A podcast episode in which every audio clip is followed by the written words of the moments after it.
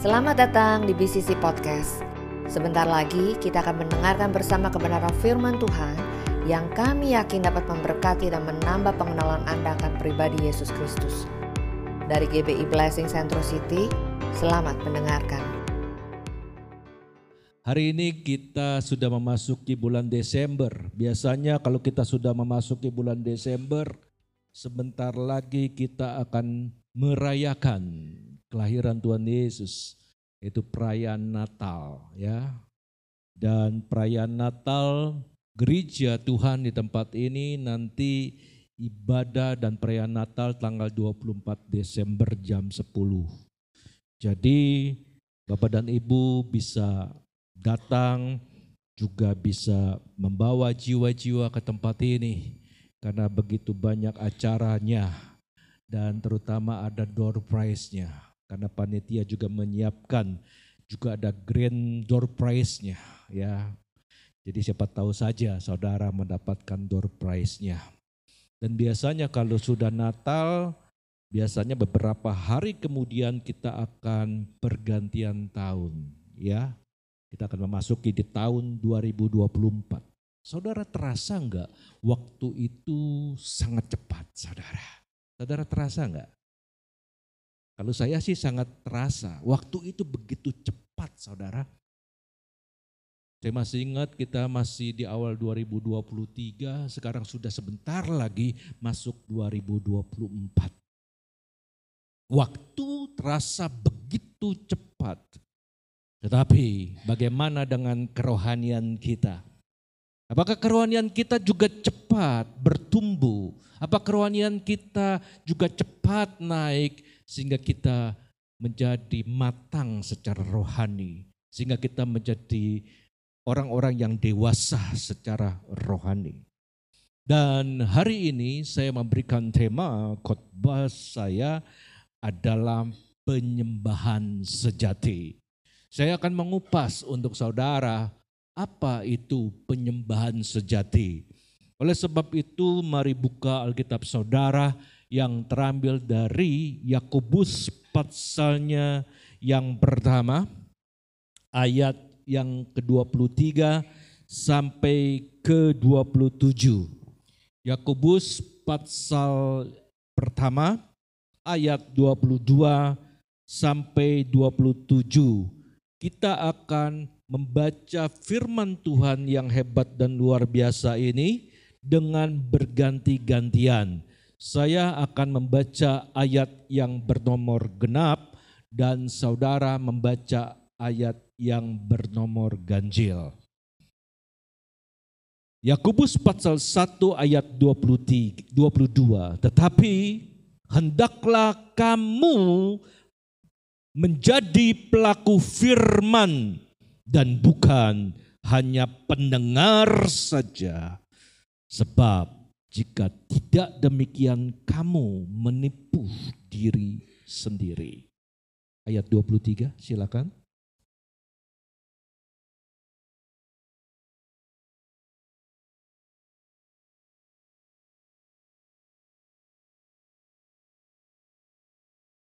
Baru saja ia memandang dirinya, ia sudah pergi atau ia segera lupa bagaimana rupanya.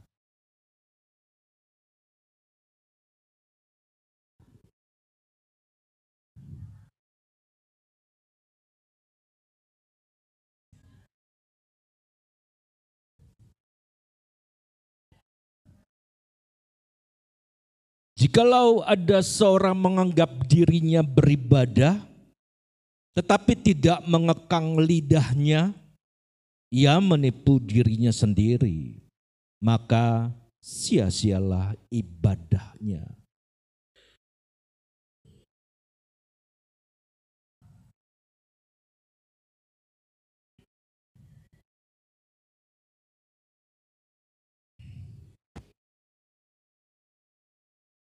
Kekasih-kekasih Tuhan, penyembahan itu bukan berbicara tentang lagu, atau nada atau musik saja. Akan tetapi penyembahan yang sejati itu berbicara lebih luas mengenai seluruh hidup ibadah kita yang sesungguhnya. Saya ulangi kalimat saya. Penyembahan itu bukan berbicara hanya lagu, musik atau nada, tetapi sesungguhnya penyembahan sejati itu berbicara lebih luas tentang seluruh hidup ibadah kita sesungguhnya. Surat Yakobus ini ditulis untuk menolong kita Bagaimana kita bisa memahami agar kita menjadi Kristen yang luar biasa, Kristen yang matang, Kristen yang memiliki kedewasaan rohani, bukan Kristen bayi rohani, bukan Kristen anak-anak. Dan Yakobus juga berkata, bagaimana kita mencapai kedewasaan rohani tersebut? Orang yang sempurna bukan orang yang tidak berdosa. Tetapi kedewasaan rohani seseorang itu yang bisa disebut orang yang mau menjadi sempurna. Karena mereka terus-menerus mengarahkan dirinya kepada firman Tuhan dan memberikan dirinya untuk selalu diperbaharui oleh Roh Kudus, memberikan dirinya untuk ditingkatkan, untuk diupgrade oleh Roh Kudus. Sehingga dari bayi rohani meningkat menjadi Kristen anak-anak dan meningkat lagi menjadi remaja rohani dan yang terakhir menjadi dewasa rohani. Jadi ukuran kedewasaan rohani bukan ditentukan dengan beberapa banyak saudara beribadah ke tempat ini. Kedewasaan rohani seseorang itu bisa ada jika dia mau terus-menerus diperbaharui oleh Roh Kudus. Dari ayat-ayat ini saudara, kita akan menemui bagaimana kita mencapai kedewasaan rohani sesungguhnya. Yang pertama, saudara dikasih oleh Tuhan, kita itu harus menjadi pelaku firman Tuhan. Katakan kepada orang yang kanan, kamu harus menjadi pelaku firman Tuhan. Katakan juga kepada orang yang kiri, kamu harus menjadi pelaku firman Tuhan. Ayo. Yakobus pasal 1 ayat 22 mengatakan begini. Tetapi hendaklah kamu menjadi pelaku firman dan bukan hanya pendengar saja. Sebab jika tidak demikian kamu menipu dirimu sendiri. Yakobus jelas mengatakan kepada kita semua, kamu itu kalau dengar firman cuma jangan menjadi pendengar saja, tetapi kamu juga harus menghidupi firman itu. Kamu itu harus menjadi pelaku-pelaku kebenaran firman itu. Karena kalau kita tidak menjadi pelaku firman Tuhan, kita diibaratkan sedang mendirikan rumah di atas pasir. Saudara bisa bayangkan kalau kita mendirikan rumah di atas pasir. Ketika hujan turun, ketika banjir datang, ketika angin menghantam rumah itu, rumah itu akan roboh karena dibangun dengan fondasi yang sangat lemah. Dibangun hanya di atas pasir.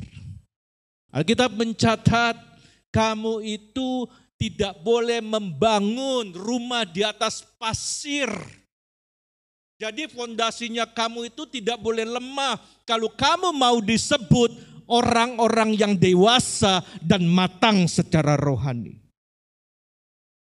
Karena orang-orang yang tidak melakukan firman Tuhan, ketika ujian datang, ketika masalah datang, ketika pencobaan datang, dia tidak akan kuat. Dia akan gampang mudah untuk putus asa dan dia bisa stres, dia bisa depresi, dia bisa khawatir, dan imannya akan menjadi goyah. Oleh sebab itu Tuhan katakan, kamu hanya bukan hanya menjadi pendengar saja. Akan tetapi kamu pun harus melakukan firman Tuhan. Karena orang-orang yang tidak melakukan firman Tuhan, Alkitab mencatat dia sedang menipu dirinya sendiri. Maksudnya apa Pak menipu dirinya sendiri? Ya menjadi orang munafik, pura-pura. Capek kalau kita menjadi orang yang munafik, kita akan pasang topeng sepanjang tahun hidup kita. Kita harus menjadi pelaku firman Tuhan. Katakan amin. Jangan seperti orang Farisi. Jangan seperti orang-orang ahli Taurat. Alkitab mencatat orang Farisi, orang-orang ahli Taurat itu dia mengerti firman Tuhan, tetapi dia tidak menghidupi firman Tuhannya. Dia hanya mendengar saja, tetapi dia tidak mau melakukan apa yang di, dikatakan oleh Alkitab ini. Secara teori dia begitu banyak teori tetapi kosong di dalam praktek. Kalau istilah kerennya bisa disebut dengan NATO. No action, talk only. Gak ada aksi, gak ada pergerakan. Cuma ngomongnya doang. Saya berikan ilustrasi ya untuk saudara. Kalau saudara ingin mendapatkan batu yang tidak berharga, mudah. Saudara tinggal ke depan saja, begitu banyak batu-batu kerikil yang berserakan di jalan-jalan itu. Saudara akan mudah mengambilnya. Gak ada upaya. Karena begitu mudahnya, saudara tinggal ngambil dong. Akan tetapi kalau saudara menginginkan batu permata, kalau saudara menginginkan batu berlian, harus ada usaha. Saudara harus menggali tanah itu sedalam-dalamnya. Karena batu permata itu ada di dalam kedalaman tanah yang sangat dalam. Ada usaha. Jadi orang-orang yang hanya mendengar firman Tuhan, dia hanya seperti batu kerikil gampang ngambilnya, nggak mau berusaha. Tapi orang-orang yang mau maju di dalam Tuhan. Orang-orang yang mau dewasa kerohaniannya. Dia mau menggali firman Tuhan dengan sungguh-sungguh. Saya tidak ada keinginan sebenarnya untuk menjadi pendeta. Tidak ada. Terbesit pun juga tidak. Dari dulu saya hanya ingin menjadi pengusaha yang sukses. Itu keinginan dan cita-cita saya. Tetapi keinginan saya berbeda dengan kemauannya Tuhan. Ternyata Tuhan buat saya sampai saya mentok seperti saya menabrak sebuah tembok dan saya tidak bisa lagi maju dan saya harus mengikuti apa yang Tuhan mau, apa yang Tuhan panggil dalam hidup saya.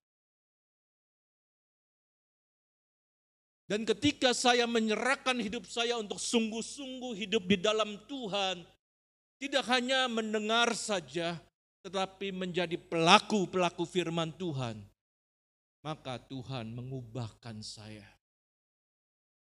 Dari manusia lama menjadi manusia yang baru. Oleh sebab itu saudara-saudara harus selalu membaca firman Tuhan. Bukan membaca saja, saudara harus merenungkan firman Tuhan. Tetapi bukan hanya merenungkan firman Tuhan, tetapi saudara juga harus menjadi pelaku firman Tuhan. Mungkin saudara bertanya kepada saya, Pak sulit Pak, lakukan firman Tuhan ini sulit. Saya bilang kata siapa sulit. Asal kita ada kemauan, kita mau baca firman Tuhan, kita mau merenungkan firman Tuhan, kita mau melakukan firman Tuhan, saya percaya Roh Kudus akan menolong kita. Roh Kudus yang diutus sebagai penolong, sebagai penghibur akan menolong kita supaya kita mengerti firman Tuhan dan menjadi pelaku-pelaku firman Tuhan. Katakan amin. Menyiapkan hidup kita untuk diperbaharui oleh Roh Kudus. Saya selalu menyiapkan hidup saya untuk selalu di-upgrade, ditingkatkan oleh Roh Kudus. Kalau berdasarkan kekuatan, kalau berdasarkan kemampuan, kalau berdasarkan dengan kepandaian, saya akan menjadi lemah ketika masalah datang dalam kehidupan saya. Tetapi saya akan menjadi kuat, saya akan menjadi mampu karena Roh Kudus yang menolong saya, memberikan kekuatan yang baru. Belajar seperti Jakius pemungut cukai itu. Jakius memiliki profesi kepala pemungut cukai. Sebuah pekerjaan yang sangat dibenci oleh bangsa Israel karena dia suka malak, saudara. Memungut pajak bangsa Israel. Akan tetapi, dia memiliki kehausan untuk bertemu dengan Yesus. Kalau saudara membaca di Lukas pasal 19, saudara itu mengenai Jakius. Bagaimana dia berusaha untuk berjumpa, untuk ketemu dengan Yesus Kristus. Karena dia penasaran siapakah Yesus Kristus itu, bagaimana wajahnya. Jakius itu berbadan pendek. Alkitab menyatakan itu. Jadi waktu ada rombongan masuk saudara, ke kota. Jakius itu terhalangi oleh orang-orang yang mengrumuni Yesus. Tapi dia punya akal. Dia naik pohon arah dan dia bisa melihat siapakah Yesus. Ketika dia memiliki kehausan untuk berjumpa dengan Yesus Kristus, Tuhan tahu hatinya dia mau mendekat kepada Yesus Kristus. Maka Yesus berkata, Jakius turun, aku mau mampir ke rumahmu. Yesus datang ke rumahnya Jakius dengan kemuliaannya. Dan apa yang terjadi ketika orang itu berjumpa dengan Yesus, hidupannya pasti akan berubah. Demikian juga dengan Jakius. Jakius berubah. Dia berkata kepada Tuhan begini, Tuhan setengah dari hartaku, setengah dari yang aku miliki akan kuberikan kepada orang miskin. Kalau ada orang yang kuperas Tuhan, akan kukembalikan empat kali lipat. Jakius bisa berubah karena berjumpa dengan Yesus Kristus. Seseorang yang berjumpa dengan Yesus Kristus dengan pribadi dengan, dengan pribadi kehidupannya pasti akan berubah. Dia tidak mau lagi hidup di manusia yang lama. Tapi dia mau hidup di manusia yang baru. Dia mau meninggalkan manusia yang lama yang penuh dengan lumpur dosa itu. Dia mau berjalan ke dalam hadiratnya Tuhan. Dan orang-orang yang ketemu dengan Yesus pasti sikapnya akan berubah. Kalau dulu kasar, ketika jumpa dengan Yesus, orangnya menjadi sabar. Kalau dulu gampang hidup di dalam dosa, ketika ketemu dengan Yesus, tidak mau lagi hidup dalam dosa. Karena upah dari dosa itu adalah maut, kata Tuhan. Orang-orang yang berjumpa dengan Yesus berubah pikirannya.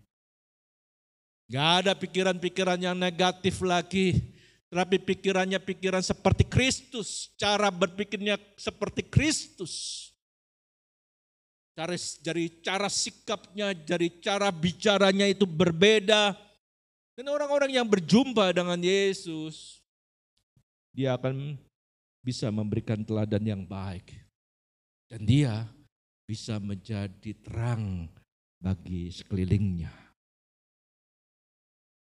Orang tua, suami, istri, anak yang sudah diubahkan, dia akan bisa menjadi teladan.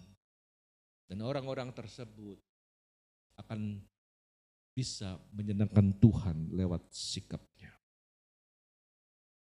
Jadi yang pertama kalau kita mau matang secara rohani dan dewasa secara rohani.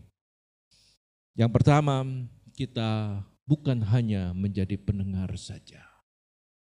Tapi juga kita harus melakukan firman Tuhan.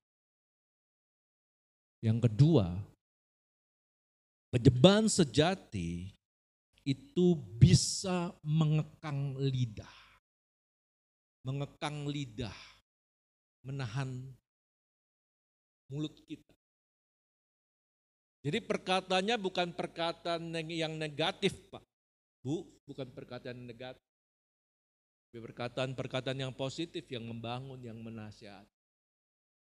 Yakobus pasal 1 ayat 26 mengatakan begini. Jika ada seorang yang menganggap dirinya beribadah, ya kita kan sedang beribadah ini. Tetapi tidak bisa mengekang lidahnya, ia menipu dirinya sendiri. Maka sia-sialah ibadahnya. Alkitab jelas, dia menerangkan sejelas-jelasnya Alkitab menerangkan sedalam-dalamnya. Kalau kamu menganggap dirimu beribadah, tetapi kamu tidak bisa mengekang lidahmu, kamu sia-sia di dalam ibadahmu. Jadi mengekang lidah itu berarti menjaga perkataan kita jadi perkataan-perkataan kita bukan perkataan-perkataan kita yang bohong, perkataan-perkataan yang menipu.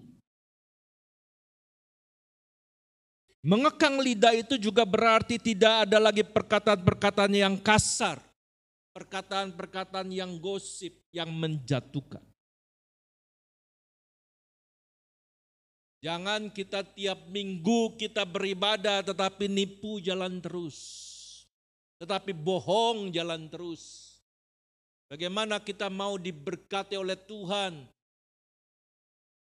Ibadah si rajin, tapi masih aja suka berkata kasar kepada istri.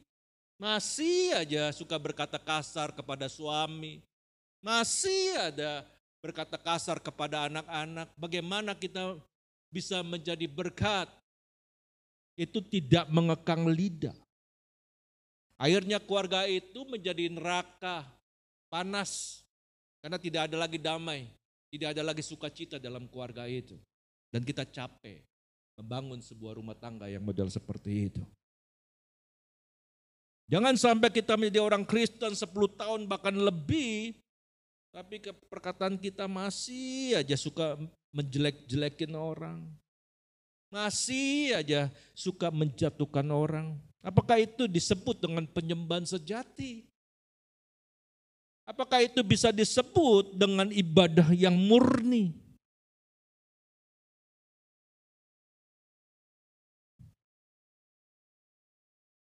Pada suatu saat, saudaraku, ada orang yang datang kepada saya. Tapi percayalah bukan saudara orang tersebut sudah tidak bergereja di tempat ini. Dia ngomong gini, Pak Pendeta, Pak Pendeta gemuk sekali ya Pak. Bapak nggak pernah puasa ya Pak. Aduh saudara, ketika orang itu ngomong saudara, itu nancep saudara. Itu sakitnya di sini loh saudara. Saya bilang, saya sih suka juga puasa, tapi ada momen-momen tertentu kalau ada sesuatu yang saya gumuli, saya akan berdoa dan berpuasa kepada Tuhan. Iyalah Pak, Pendeta, jangan gemuk-gemuk. Akhirnya saya terpengaruh juga dengan ngomongannya. Saya kurusin badan, saudara. Saya kurusin badan. Saya kurus sampai 10 kilo. Saudara. Udah kurus lah pokoknya begitu. Celana udah longgar lah saudara. Orang yang sama ngomong lagi sama saya, Pak Pendeta, saya melihat Bapak sekarang sangat kurus ya Pak. Bapak kurang makan ya Pak. Aduh saudara, nancep saudara. Namanya gembala, nggak boleh marah. Saya bilang, enggak, saya masih suka makan saudara. Saya pikir nih orang maunya apa sih begitu ya. Gemuk salah, kurus salah. Ya Bapak sering banyak makan lah Pak.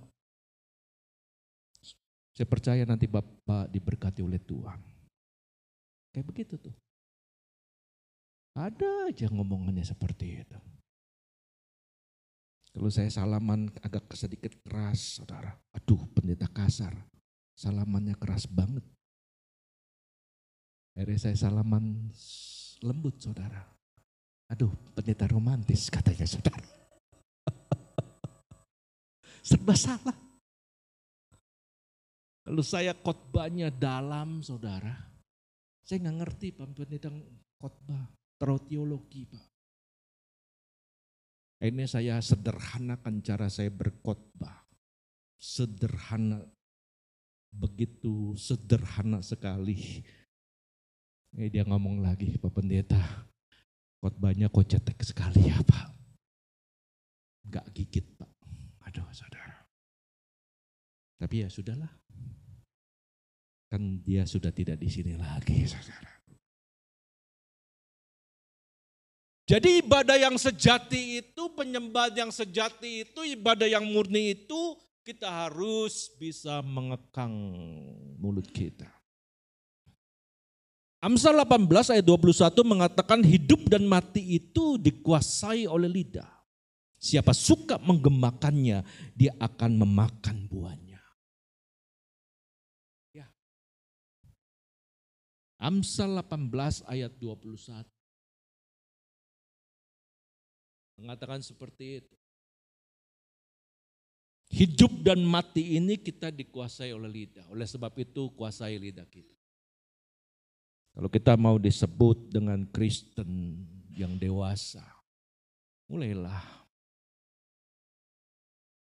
berkata-kata yang baik. Supaya kita bisa menjadi teladan. Supaya orang yang mendengar itu perkataan kita menjadi harum di telinganya. Yang ketiga, saudara, penyembahan sejati itu ternyata Alkitab mencatat membantu mereka yang lemah. Yakobus pasal 1 ayat yang ke-27 mengatakan begini. Ibadah yang murni dan yang tak bercacat di hadapan Allah Bapa kita ialah apa saudara? Mengunjungi yatim piatu dan janda-janda dalam kesusahan mereka. Dan menjaga supaya dirinya sendiri tidak dicemarkan oleh dunia.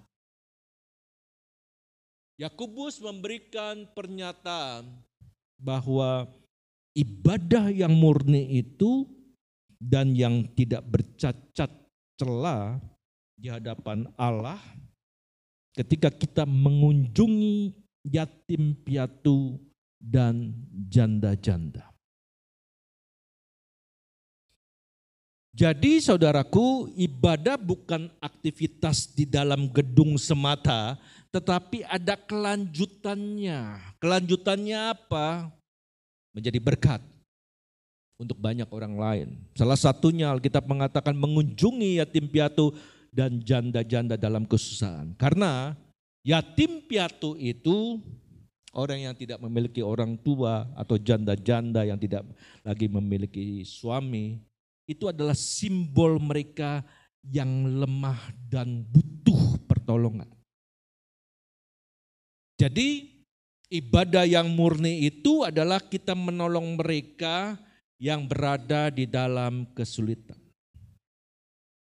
Tetapi pertolongan kita tidak hanya terbatas kepada yatim piatu dan janda-janda saja. tapi pertolongan kita kepada semua orang yang membutuhkannya. Karena mereka itu dalam penderitaan. Jadi istilah dari mengunjung ini bukan sekedar hanya menjenguk, tapi juga kita memperhatikan, kita juga memperdulikan, kita itu juga mendampingi dan membantu mereka. Yang mengerti katakan amin. Kalau ada orang miskin datang kepada saudara dan dikatakan Pak atau Bu, saya belum makan. Lalu apa yang respon saudara lakukan? Apakah saudara cuma ngangkat tangan? Artinya saya tidak akan memberikan apa-apa kepadamu. Atau saudara mengambil dompet, mengeluarkan dompet. Saudara mengeluarkan uanglah 20 ribu. Karena dia berkata, Pak saya belum makan. Saudara keluarkan 20 ribu kasih dia. Dia bisa makan di warteg saudara. Saudara menolong satu jiwa yang kelaparan pada saat itu. Jangan sampai kita terlalu rohani, mari Pak, saya doakan Bapak ya, supaya Tuhan memberkati. Ya boleh-boleh saja mendoakan, tetapi juga harus ada action juga dong.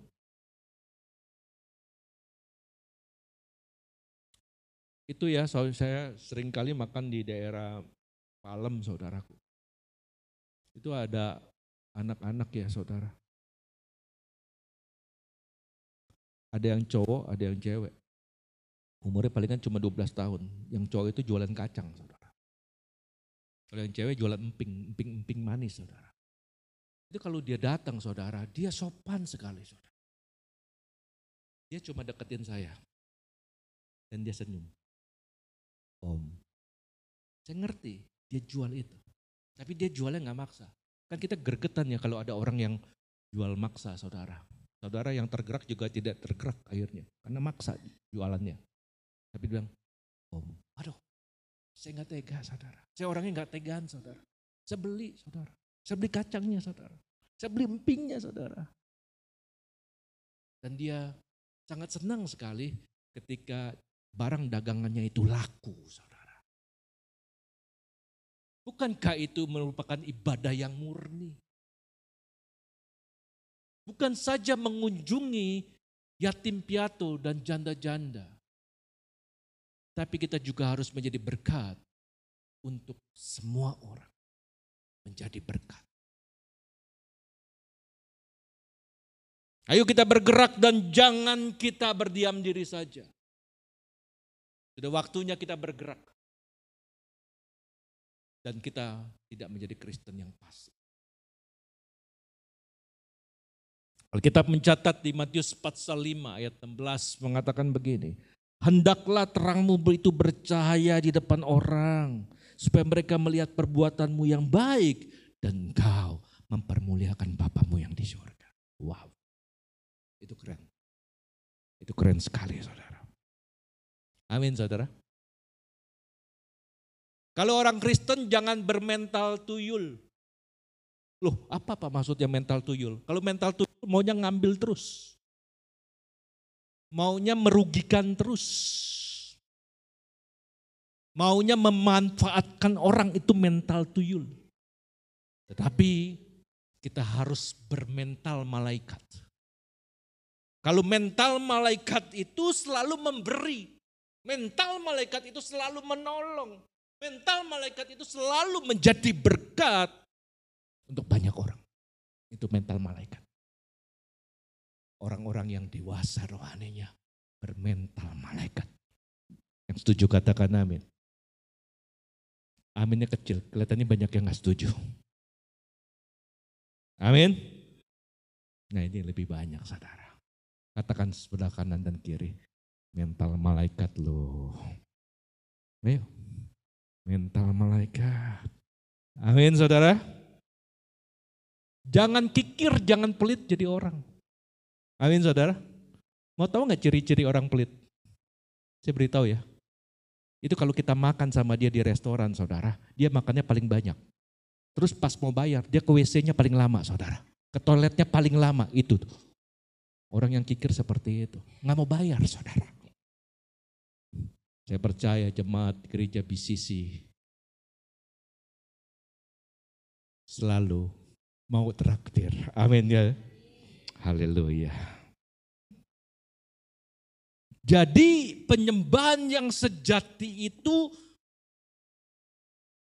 yang pertama saudara dikasih oleh Tuhan kita bukan hanya menjadi pendengar saja tetapi kita menjadi pelaku.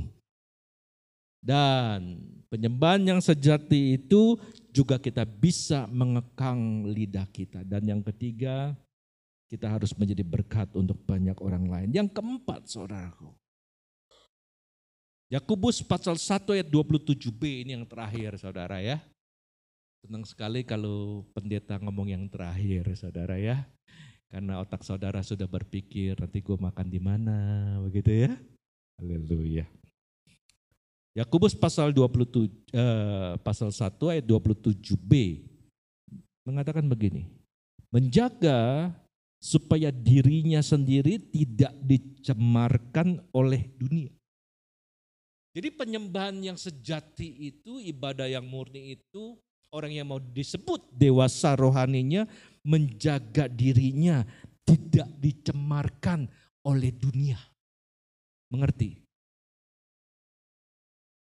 Tidak mau dicemarkan oleh dunia ini. Karena dunia ini begitu wow, memberikan kita fasilitas-fasilitas dunia yang kadangkala iman kita kalau kita enggak sungguh-sungguh sama Tuhan, kita bisa terseret dengan keduniawian itu. Dan akhirnya kita bisa tercemar. Oleh sebab itu saudara kalau saudara mau dewasa rohaninya, hiduplah yang benar ya. Jangan nanggung kalau ikut Tuhan. Kalau ikut Tuhan itu Alkitab mengatakan, Wahyu mengatakan, hendaklah engkau menjadi panas-panas sekalian. Atau dingin-dingin sekalian. Jangan suam-suam kuku, jangan setengah-setengah kalau mau mengikuti Yesus. Amin saudara.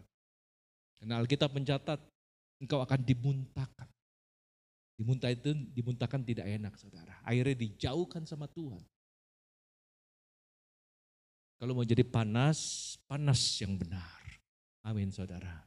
Kita selalu on fire bersama dengan roh kudus. Katakan amin. Matius 6 ayat 33. Carilah kerajaan Allah dan seluruh kebenarannya. Maka kamu akan ditambahkan. Haleluya. Berikan tepuk tangan yang meriah untuk Tuhan Yesus. Terima kasih telah mendengarkan BCC Podcast. Kami berharap firman Tuhan hari ini memberkati dan menguatkan Anda lebih lagi. Untuk informasi lebih lanjut mengenai GBI Blessing Centro City, Anda dapat mengaksesnya melalui Instagram at Blessing Centro City. Sampai bertemu di BCC Podcast minggu depan. Tuhan Yesus memberkati.